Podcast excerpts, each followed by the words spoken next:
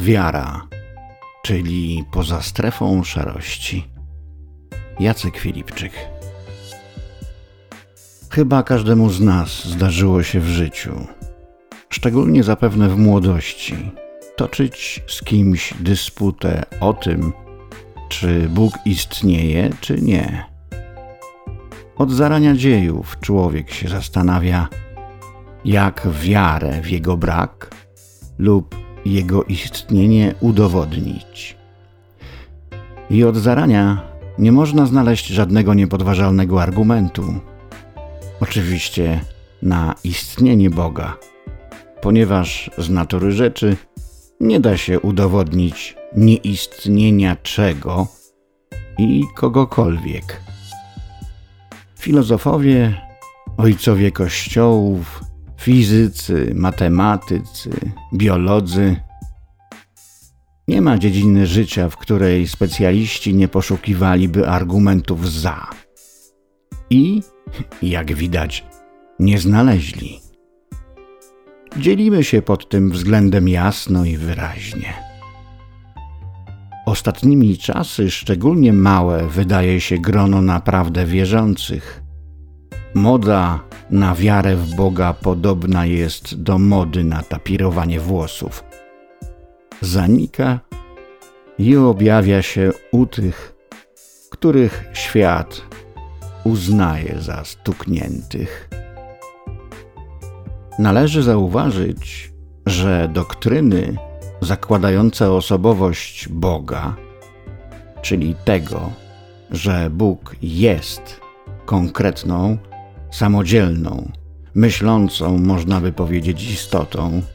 No więc w tych doktrynach zakłada się, że wiara w Boga jest łaską, a nie wymyśloną potrzebą. Mamy tu pierwszą pętlę logiczną. Tak, pierwszą, bo jest ich dużo więcej, a ostateczna jest niebotyczna w swej jasności prostocie i niemożności rozwiązania. Ale wróćmy do rzeczy. Wiara w Boga nie może istnieć bez boskiej interwencji, realizowanej na skutek chcącego. Więc, żeby wierzyć w Boga, musisz w Niego wcześniej wierzyć, żeby poprosić Go o tę łaskę. Żeby być wierzącym, trzeba już przed tym faktem nim się stać, bo nie ma wiary bez chęci uwierzenia. Ale chęć uwierzenia bez wiary nie może istnieć. Podobno sami z siebie ludzie nie są w stanie uwierzyć. Zatem, kiedy zagłębiamy się w sam początek wiary w Boga, trafiamy na zaszyfrowane i zapieczętowane drzwi logiki. A to dopiero początek. Oczywiście nie zagłębiam się w faktografię na temat nieistnienia Boga, ponieważ, jak wspomniałem wcześniej, według mnie nie jest roztropnym zajmować się argumentami na nieistnienie czegoś. Słynne udowodnij, że nie jesteś wielbłądem, albo udowodnij, że nie jesteś prostytutką, albo że nie machasz właśnie ręką. Rozpatrując dalej sprawę bez emocji i bogo-ojczyźnianej dewocji, pójdźmy krok do przodu. Czy Bóg, jeśli jest, jak o sobie mówi na kartach Biblii, czy jest jedyną siłą, jaka oddziałuje na człowieka? Krótko mówiąc, czy jeśli stwierdzimy istnienie Boga, uwierzymy w to, to czy cała sprawa jest załatwiona? Możemy zbierać zabawki i iść do innej filozoficznej piaskownicy? Nie no, zaraz, zaraz, momencik. A szatan? Czy możliwe jest istnienie Boga bez istnienia szatana? Cała rzeczywistość mówi jasno, że mamy dzień i noc, zdrowie i chorobę, obecność i brak, pion i poziom i tak dalej. Nieskończony kosmos przeciwstawieństw, dychotomii, dwupodziałów, które budują nam świat. Oczywiście są prądy mówiące, że Bóg to działanie, a w cudzysłowie szatan to nie żadna jakaś tam istota rozumna. To jedynie brak działania Boga. W ten sposób buduje się oczywiście elastyczny i, a jakże, dualistyczny, ale hermetyczny obraz świata. Nieustającej szczęśliwości bez realnego szatana, bez realnego uosobionego zła. No to ja stawiam wtedy tezę równoważną. Boga nie ma. Jest tylko szatan. Szatan to jego działanie. W cudzysłowie Bóg to jedynie brak działania szatana, a nie jakaś tam autonomiczna istota. Nie można przyjąć takiego założenia. Skoro pierwsze założenie jest do przyjęcia, to i drugie, moje, także. A skoro oba, to mamy dychotomię. Dwóch odizolowanych od siebie nurtów. Kiedy jednak uda się je równoważnie scalić, to powstaje spójna formuła filozoficzna, która istnieje od zarania religii i od której według mnie nie da się uciec. Jeśli wierzymy w istnienie Boga, nie da się obronić teza braku istnienia szatana i odwrotnie. Co więcej, nie ma szarej strefy, gdzie nie działa ani jedna, ani druga siła. Niestety próby relatywizowania żelaznej dwoistości są żałosnym zabiegiem, który według mnie wynika ze swoistej świadomości ludzi je głoszących. Ludzie ci, jak mi się zdaje, z natury własnej uczciwości przeczuwają, że trzeba zadbać o miejsce dla siebie, w razie gdyby ktoś mógł nas chcieć ustawić na niekorzystnym polu. Szara strefa jest swoistym azylem moralnym dla pokrętnych działań, które są naszym dominującym sposobem radzenia sobie w tym świecie. Owa strefa półcienia to taki bezpieczny azyl dla naszych słabości, które polubiliśmy i choć wiemy w głębi ducha, że są złe, wiemy dla nich w szarościach przytulne gniazdko. Nie, nie czytam nic o Bogu, ale po co mi to? Przecież nikogo nie zabiłem ani nie okradłem. Sądzę, że w sprawie wiary w Boga dualizm jest jedyną drogą myślenia. I z tego powodu, skoro jest Bóg, to jest i szatan. W tym myśleniu szarość strefa pośrednia jest zwyczajnie nielogiczna.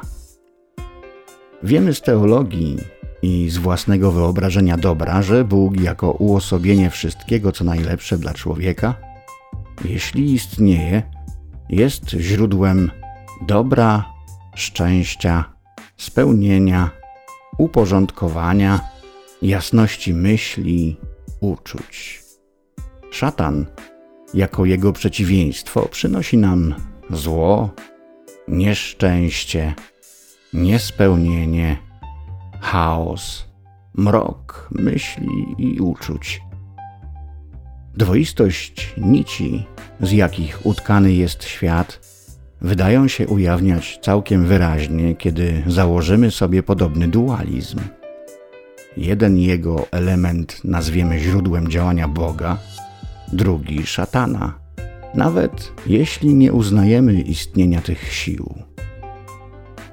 Wtedy, jak to w dualizmie, tertium non datur, trzecie nie jest dane. W dwoistości teoretycznie wszystko wydaje się proste. Dzień, noc, góra, dół, prawo, lewo, mało, dużo itd itp. Proste. Przeciwstawne rzeczowniki rozdzieliłem myślnikiem. Graficzna magia. Ale życie nie jest graficzno-papierowym środowiskiem. Nie stoimy w nim na polu czarnym albo białym, wyraźnie oddzielonym myślnikiem. W życiu jednak stoimy w miejscu, które można opisać przymiotnikami pasującymi do czerni, ale i tymi pasującymi do bieli. Tak przynajmniej nam się wydaje. W tej przemieszanej, rozdrobnionej i poprzeplatanej dwoistości, często ze sobą zespolonej, jesteśmy, tkwimy my ludzie. Jak rodzynka zawieszona w przejrzystym kisielu.